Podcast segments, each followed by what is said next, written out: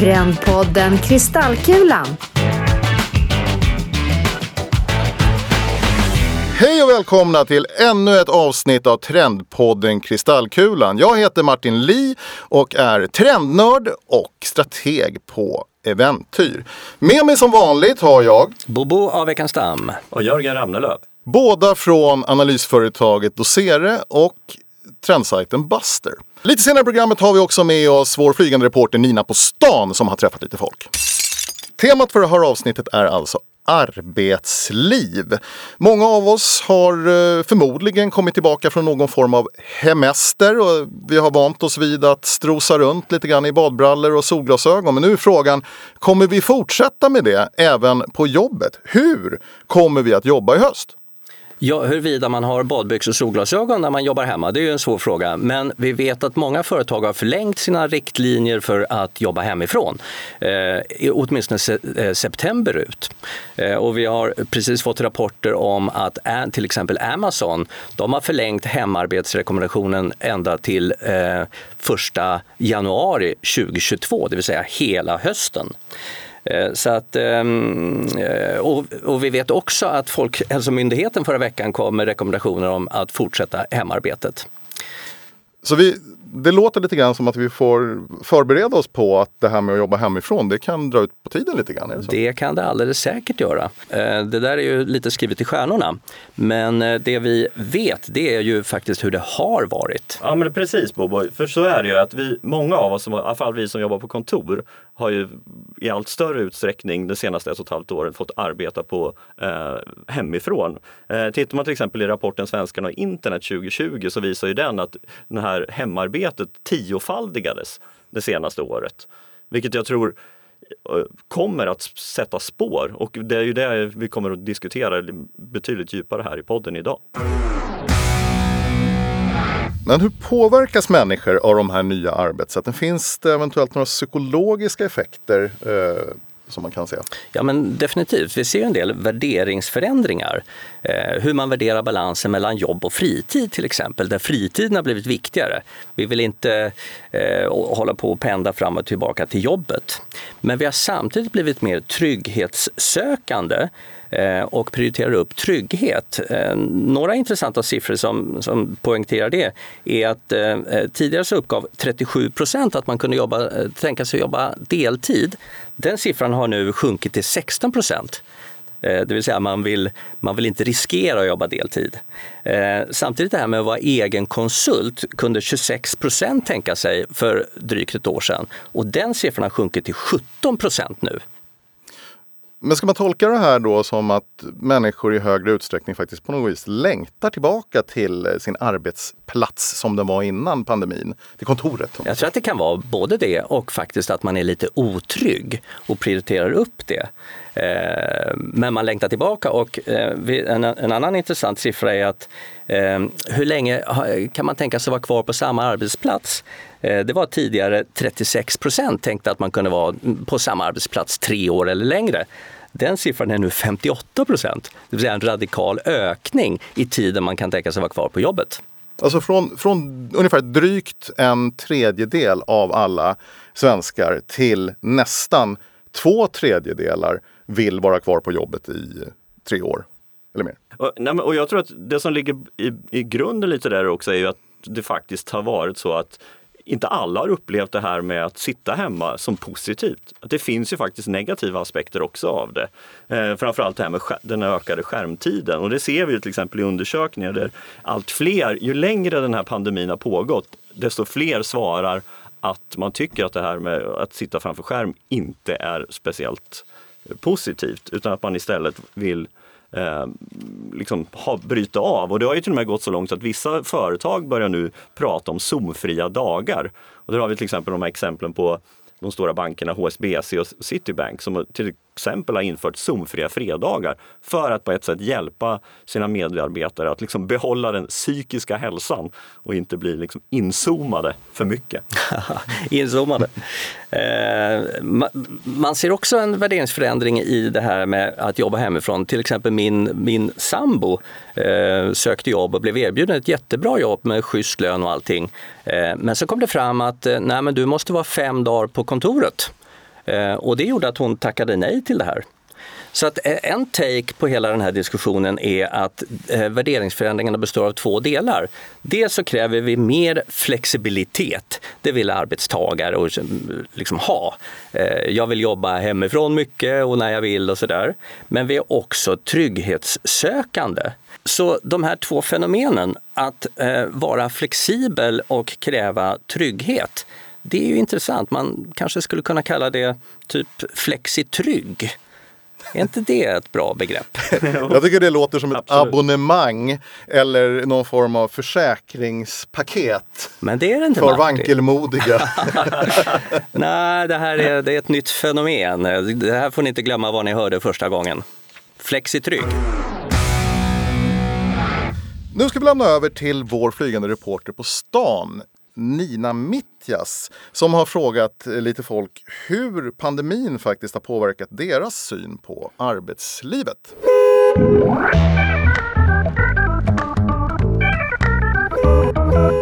Pandemin har ju mer eller mindre tvingat in oss i diverse olika livsstilsförändringar. Eh, hej, vad heter du? Kattis heter jag. Hur eh, kommer du att ändra din livsstil efter pandemin? Ja du, eh, jag tror generellt att jag har fått tänka mycket på det här med balans i livet på ett nytt sätt och eh, också hittat en ny balans. Jag tror att just det här med flexibilitet kommer bli superviktigt eh, för arbetsgivare om de vill vara attraktiva i framtiden. Hej, vad heter du? Karin. Ja, men jag skulle vilja jobba hemma i, ja, men på halvtid ungefär. Två eller tre dagar i veckan skulle vara perfekt för mig. Och eh, sen så skulle jag ändå vilja komma in till jobbet och få den sociala biten.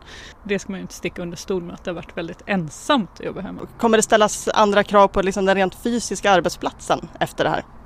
Ja, det tror jag. Eh, mest kanske att kraven kommer sänkas lite för att det kommer säkert bli vanligare att man har kontor som inte har platser för alla anställda och så mer flexibla aktivitetsbaserade kontor. En ny sorts aktivitetsbaserad arbetsplats kanske. Jag vet inte. Hej, vad heter du? Mattias. Eh, jag tror att jag kommer fortsätta att prioritera den frihet som man har fått uppleva nu under pandemin mycket mer. Så att jag kommer att eh, försöka eh, fortsätta jobba i så stor utsträckning som möjligt. Mer flexibelt, mycket mer hemifrån och, och eh, på mer flexibla arbetstider än vad jag gjorde tidigare. Det tror jag kommer bli den största förändringen i min livsstil efter pandemin. Ehm, jag tror att det kommer bli ehm, en, en lite grann av en omställning där arbetsgivare måste skaffa teknik och förutsättningar för att både det ska bli liksom flexibla möten eller, eller bra möten där folk kan delta både på distans digitalt och eh, så att säga vara med på plats fysiskt. Att få ihop det, det tror jag kommer bli viktigt för arbetsgivare. Ja, men vi hör ju här hur ordet flexibel och flexibilitet återkommer hela tiden. Ja, och jag tycker också det är intressant när man hör liksom det här med att man pratar om de här nya digitala verktygen. Eh, och det kan väl bli en liten cliffhanger, vi, det kommer vi att prata mer om alldeles strax. Flexitrygg som sagt då. Eh, nej, men en, en, en, annan grej som vi pratade om lite grann förut det var det här med zonfria fredagar och det är lite intressant för att i eh, senaste numret av techmagasinet Wired så listar man Zoomfria fredagar som expired, det vill säga utgånget. Och det som man kallar för tired, lite trött, det är när man gör plats i sin kalender för att jobba och inte ha möten. Det som enligt dem är då wired och det mest heta just nu, det är rimliga arbetstider. Det här är lite spännande tycker jag, för att då kommer vi in på vad ställer det här egentligen för krav då på arbetsgivare i höst och kanske i framtiden? Ja, men det är ju helt klart att det kommer ställas nya krav på arbetsgivare. Väldigt uppenbart. Eh, det här, att möta kraven på flexibilitet kommer ju bli en jätteintressant strid mellan arbetsgivare och arbetstagare. Eh, I vilken utsträckning kan man låta människor jobba hemifrån?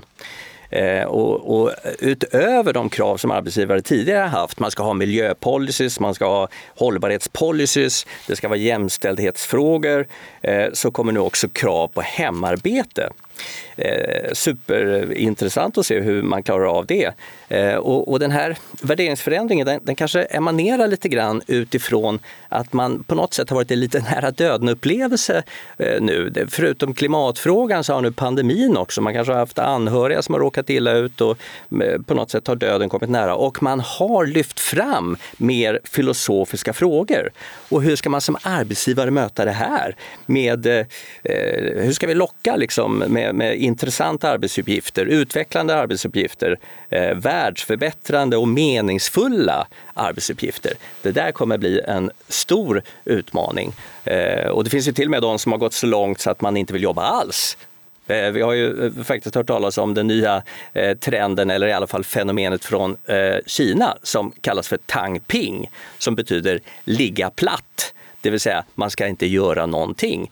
Eh, kanske har det något Den politiskt. gamla trenden ligga på sofflocket alltså? Ja, ja, ja, en modern tappning. Och där ser vi också tendenser till faktiskt i Sverige. Så vart leder det? Ja, men en annan aspekt också på det är ju det här att liksom, om folk verkligen vill gå tillbaka till jobbet, är, eller till kontoret. För att det finns ju undersökningar som också visar att många svenskar helt enkelt vill lagstifta om att man inte ska behöva gå tillbaka till kontoret. Det är två tredjedelar i Sverige som tycker det. Det är ju helt makalöst. Lagstiftning. Vad, vad, ska, man, ska man alltså lagstifta så att en, en arbetsgivare ska inte få tvinga sina Nej, medarbetare eller anställda att komma till exakt, jobbet? Exakt, exakt. det här kan bli lite svårt, eh, tror jag. Eh, och då funderar jag ju lite grann på så här, vad, vad är det för samhällsutveckling vi, vi ser framför oss här? Hur kommer städer till exempel att påverkas? Det är klart att alltså, alltså, den här utvecklingen som jag diskuterat här nu kommer ju att påverka liksom hela samhället och inte minst kanske hur vi bor och vart vi bor.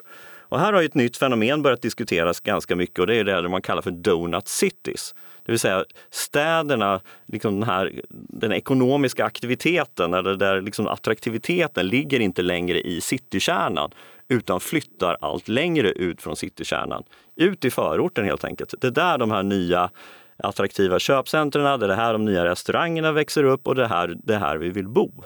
Det här är inte riktigt ett, ett, ett jättenytt fenomen, utan det här har man diskuterat faktiskt i USA, den här utvecklingen de senaste 40-50 åren. Och det är väl det som har lett till egentligen det här med shopping malls och liksom den infrastrukturen man har där. Precis. Mm. Och det som eh, också kommer som ett brev på posten, det är lite nya krav på coworkingplatser eh, i ytterområden. Eh, där man kan, om man nu inte vill sitta hemma hela tiden så kan man gå till en coworkingplats. Och faktiskt vår reporter Nina berättade att där hon bor så har man funderat på att anordna ett kollektivt coworkingställe, det vill säga det är inte bara kommersiella aktörer som kliver in här. Ehm, så att det kan vara eh, roligt att fundera på hur sådana där platser kan se ut. Det kanske i coworkingplatsen också finns ett dagis. Kanske det som alla nu behöver, ett hunddagis. Mm. Eftersom man har skaffat hund. Det vill jag ha. Ja, såklart. Och sen tror jag att många gärna skulle komplettera den där platsen med en paddelbana, eller hur Martin? Men, det, men det, här är ju, det här är ju spännande. Alltså, jag tänker det, det, vad vi ser, för att jag menar kontorshotell eller som vi säger coworking spaces när vi vill låta lite creddigare.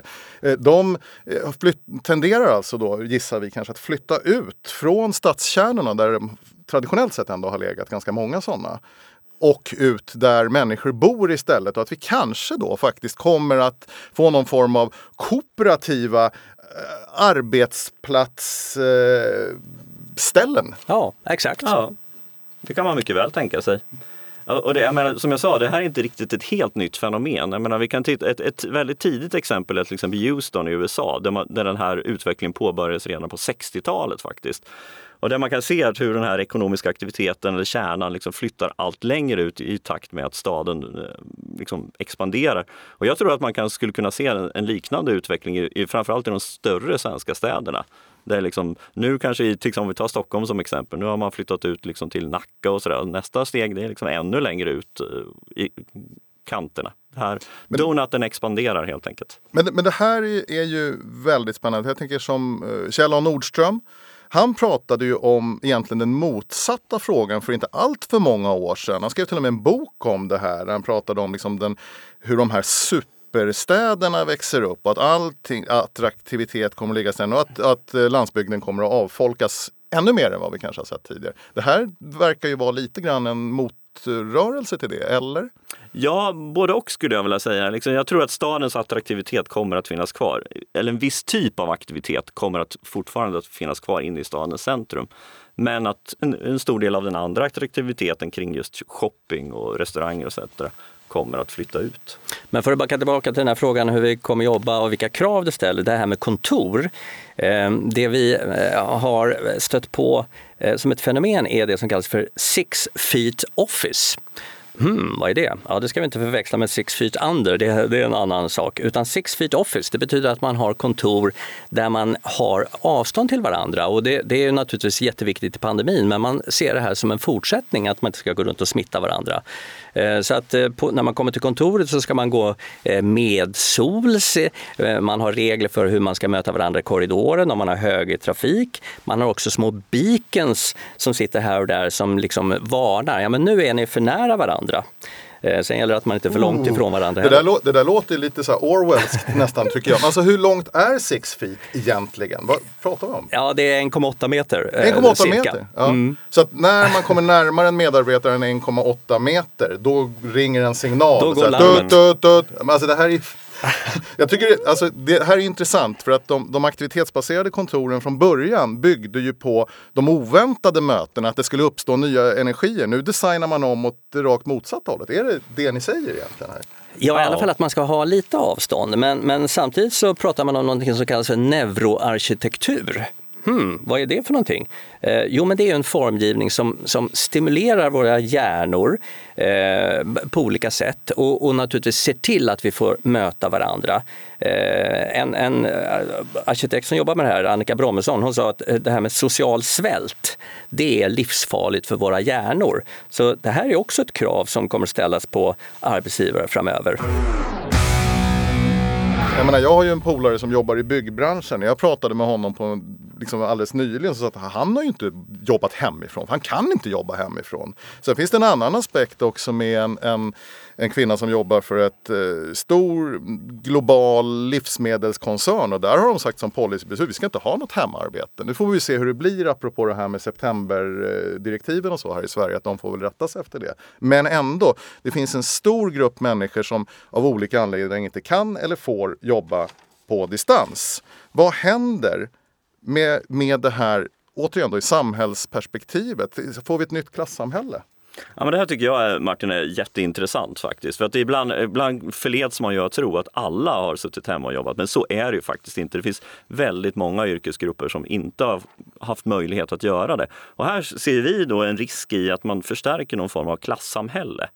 Där folk där vi delas upp i de här som liksom har kanske i vissa mån ett, en lite mer privilegierad livsstil där man har den här flexibiliteten och kunna liksom få ihop livspusslet och den andra gruppen då som är fortfarande bunden till att gå till sina arbeten i, på olika sätt. Och, och ja. eventuellt också då utsätta sig för, om vi pratar flexi-trygg-begreppet, att det ja. kan också finnas en trygghet i att inte behöva exponera sig för eh, kommande mutationer och så vidare. Exakt, jag menar precis. Eh, så länge viruset lever kvar här i samhället så ja, men då finns ju den och det, det är precis det vi har sett tidigare också har hänt.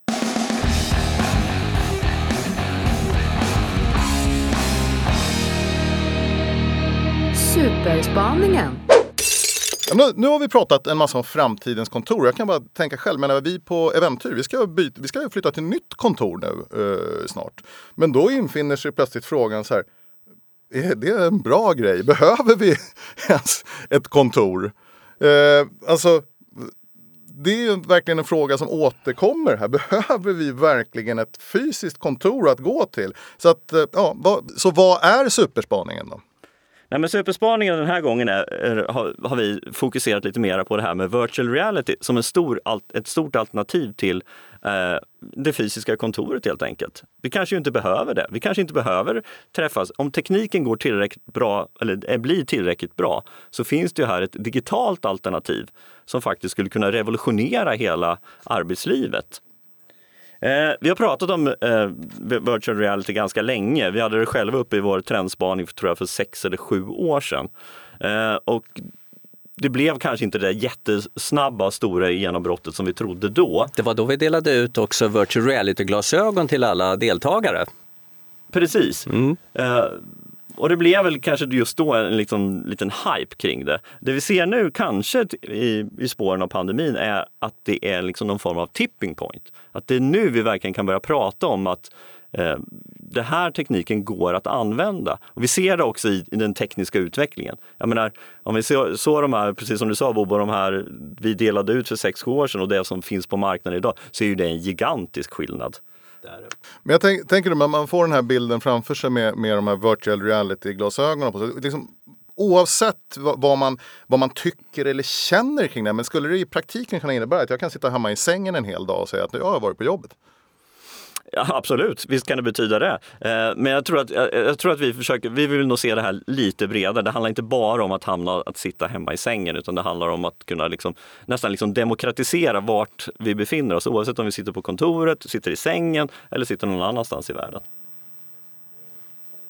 Men eh, en sak som eh, hur vi än jobbar är jätteviktigt, det är det här med gemensamma upplevelser. Och det tror jag också är en sak som har dykt upp här i livsfilosofiska perspektivet vi pratade om tidigare, att vi vill ha minnen. Jag brukar prata om livsminnen. Eh, det är någonting jätte, jätteviktigt för oss. Lite grann som Mads, Mads Mikkelsen sa i, i reklamen för några år sedan, livet är inte dagarna som passerar, utan det är dagarna vi minns. Eh, och, och, vi vet att engagemang för jobbet är ganska lågt generellt sett. Hur ska vi få det högre? Jo, det är för att eh, vi måste fixa livsminnen eh, på våra arbetsplatser. Oh, jag blir alldeles varm i hjärtat när du säger det. det nej, men faktiskt, det är det här som betyder något. Ja. ja det är ju det... det som är livet. Och, ja. det, och jag, jag, vill inte sitta med mina Oculus Rift eller vad fasen det är hemma i min säng och låta dagarna gå. Det kommer bli rätt tradigt. Om vi inte, så, om vi inte kan skapa livsminnen där också. Det kanske man kan. Ja, precis. Det, ja, det gäller ju att försöka hitta de här sociala dimensionerna även i den nya tekniken. Ja. Men vad är ett livsminne? Ja, men jag har ett, jag vet inte om du kommer ihåg det Jörgen, vi hade en julavslutning för ett antal år sedan med hela personalen eh, och vi eh, plötsligt spontant arrangerade ett kontorsstolsrally. Vi gjorde en liten bana på kontoret och sen eh, tävlade mot varandra. Ja, det var ett livsminne. Ja, eller hur? Va? Nej, men alltså, det, men det, för det här tycker jag, nu ska vi verkligen så prata om rätt saker här, därför att det finns ju en, en risk att om vi, om vi ser Oculus Rift eller, eller vilket varumärke som helst. VR-glasögon, mm. visst, det men det finns ju ett nyhetens behag i det också. Och risken finns ju då att, det, att man går in i någon sorts gamla hjulspår. Det är ju de här, återigen, oväntade mötena med människor som gör irrationella grejer som skapar att det uppstår nya situationer. Hur otroligt viktigt det är. Jätte, jätteviktigt. Eh, viktigt för idégenerering, viktigt för att må bra etc. Eh, och mätningar visar att ungefär 90 procent av eh, oss människor tycker att det viktigaste på en arbetsplats det är kollegor. Det vill säga att ha några att prata med.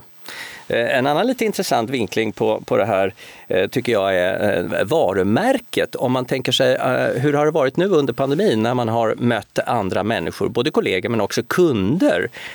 Normalt sett så har man en, en identitet i form av sina lokaler och sättet man klär sig på. En, en dyr advokatbyrå har skinnmöbler och lite dyra konstverk på väggarna. Nu möter man en advokat som debiterar 5 000 kronor i timmen i joggingbyxor och en t-shirt. I ett jäkligt dyrt kök i och för sig. Ja, möjligtvis. Det där blir också intressant. Hur hanterar man det i VR eller i våra digitala möten? Det borde öppna upp för en helt ny äh, yrkeskategori tycker jag. VR-designer, alltså verkligen varumärkesdesigner i VR. Ja, absolut. Ja, men jag, jag, tycker att det är intressant att ingen har tagit tag i det. Jag har inte sett något företag som har någon policy för hur man ser ut när man har möten med kunder eller externa. Utan det är hemmiljö eh, med lite bokhyllor i bakgrunden och så en, en ful t-shirt. Ja, det är, jag tycker också det. Det är märkligt. Alright, men alltså eh, man kan ju sammanfatta så här långt. Det känns ju som att hela begreppet arbetsliv eh, är på väg någonstans som vi inte riktigt vet såklart. Men ändå, så här, vad, vad tror ni blir eh, konsekvenserna på lite längre sikt? Vad, vad säger du Bobo till exempel om det? Eh, ja, men jag tror att eh, blir det verklighet det som Jörgen pratar om med, med virtual reality, VR, så, så, kan man tänka sig att plats och tid eh, får ännu mindre betydelse.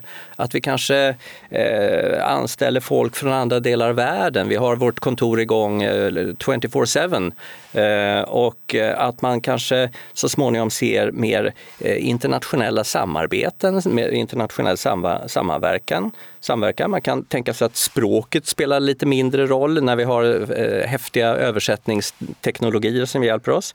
Så att man kan nog tänka sig att arbetsmarknaden bli, blir ännu mer globaliserad än vad den har varit tidigare. Ja, men återigen så ser vi ju här hur, hur pandemin faktiskt har accelererat förändringar som vi redan har sett. Allt det du säger nu Bobo har vi ju redan liksom pratat om i 20-30 år. Liksom, Absolut. Men att vi nu ser liksom, det är steroider för utvecklingen.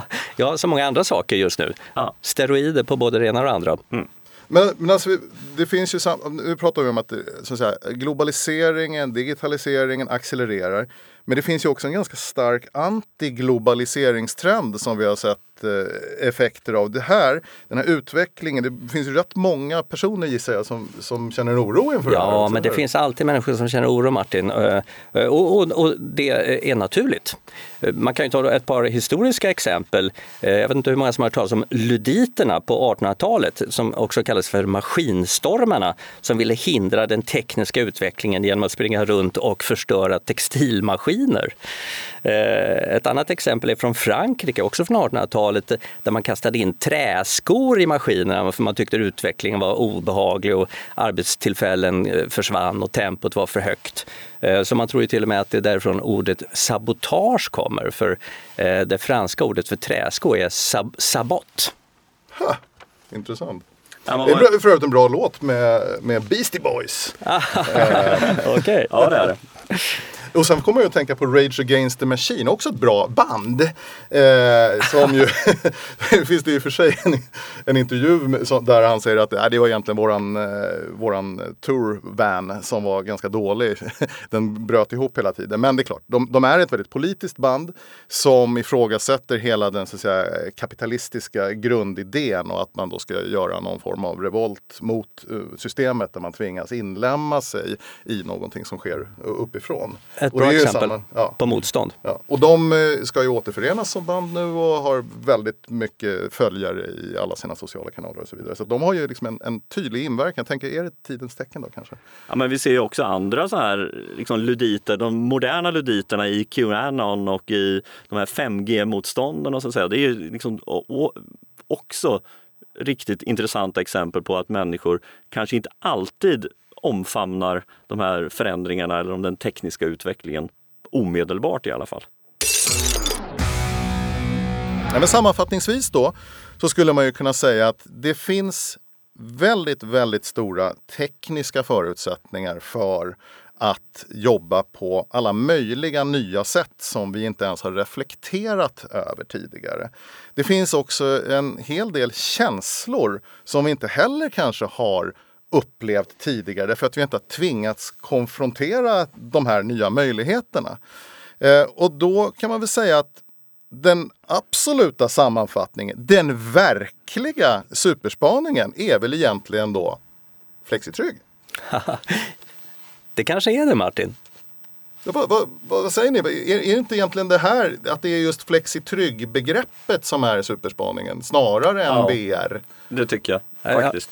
Jag håller med. Det är det, som kommer, det, är det vi kommer efterfråga och det är det, det arbetsgivare kommer att möta.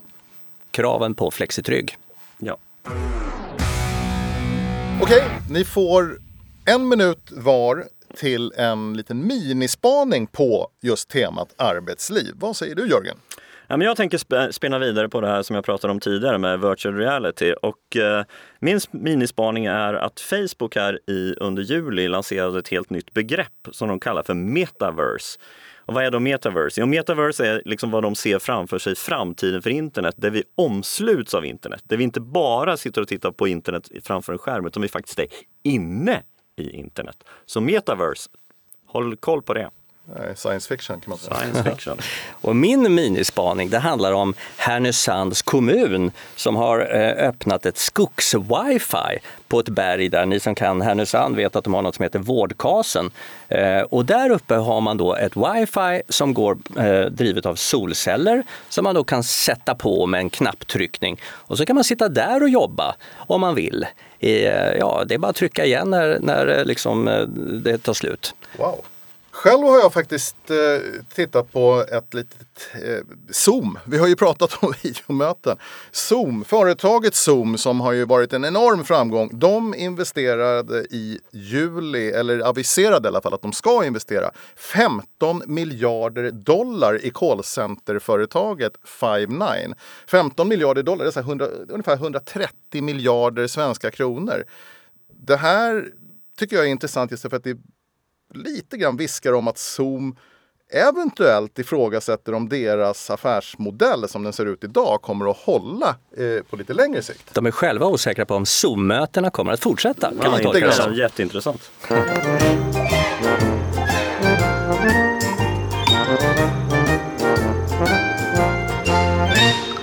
Tidsmaskinen.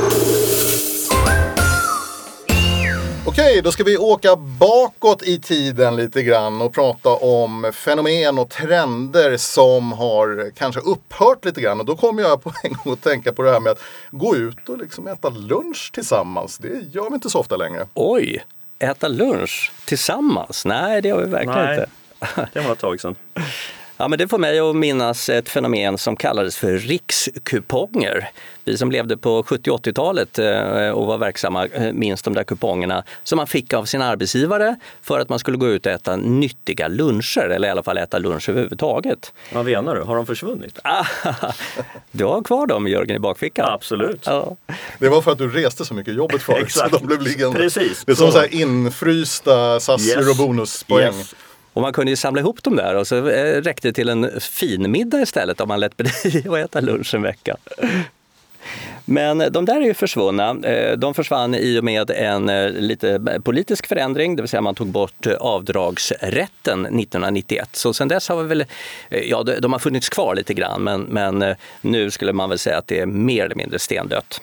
Och egentligen det du säger, man, man har alltså tagit bort subventionen, statliga subventionen av till att medarbetare eller anställda ska kunna äta en nyttig Ja, så kost. kan man uttrycka det. Eh, Och det som är intressant är ju att det här med kost har ju faktiskt eh, dykt upp som kanske det viktigaste. Om man jämför liksom träning med att äta rätt så, så vet man nu att eh, kosthållningen är det viktigaste. Och WHO de säger att eh, ja, men 80 procent av hjärt och kärlsjukdomarna skulle eh, man kunna komma åt och 90 procent av all typ 2-diabetes eh, och 30 procent av alla cancersjukdomar skulle kunna förebyggas om man åt rätt. Naturligtvis i kombination med, med träning. Eh, Men det här indikerar ju eh, lite grann vad vi ska prata om nästa gång Martin, nämligen träning och hälsa. Precis. Eh, och ja, det kanske också finns en, en flexitrygg aspekt av det. Att en arbetsgivare då faktiskt erbjuder goda förutsättningar för att må bra. Såväl fysiskt som psykiskt. Ytterligare ett krav på arbetsgivaren att ta hänsyn till. Så, nu börjar vi närma oss slutet av eh, det här programmet. Och precis som förra gången så ska vi utforska de små environgerna av Spotify där det gömmer sig låtar som inte har en endaste lyssning. förra gången då fick vi lyssna på artisten Booby Night eh, som egentligen heter Milton Edwards. Så då slängde vi ut frågan, finns det någon som har hört talas om den här Milton Edwards och vet vad vederbörande sysslar med idag? Och vi har faktiskt fått noll svar på det, tyvärr. Eh, det enda jag har fått fram det är att han faktiskt var med och skrev eh, öppningsspåret på Grandmasters Flash, eh, hiphop-klassiker. Eh, men efter det eh, upphör alla spår. Så, jag har ett förslag här nu om du sitter inne på den här otroligt väsentliga informationen och kan dela mer av den på våran eh, Facebook-sida så vinner du ett signerat ex av Bobos bok Förändringsprincipen. Toppen! Ja, men Martin, det var ju jättekul idé. Det är klart, att en som har den researchkompetensen att ta reda på det här är värd eh, förändringsprincipen. Onekligen. Jag har hur som helst researchat vidare eh, på Spotify och hittat ännu en låt med noll lyssningar. Eh, I det här fallet handlar det om brittiska The Stains med låten Fakes från deras enda album som väldigt få känner till som heter Songs for Swinging Losers.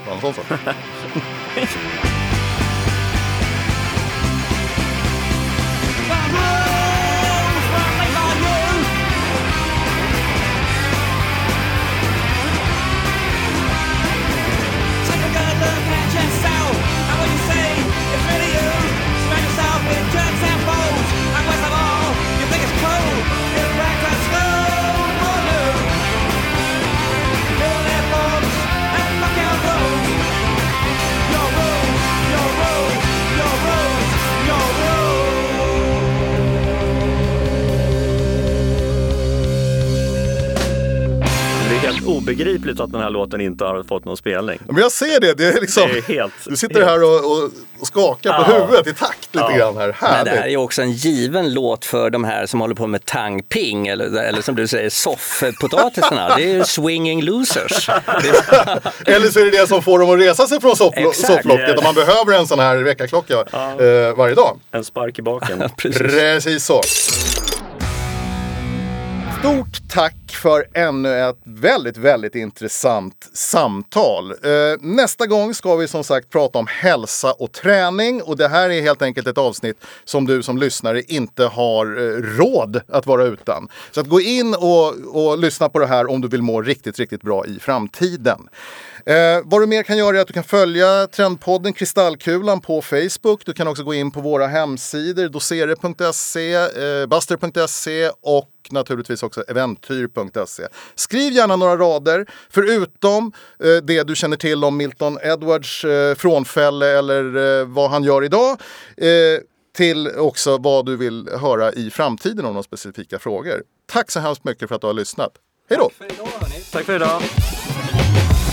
Trendpodden Kristallkulan. En produktion av Eventyr i samarbete med Dosere och Buster.se. 아!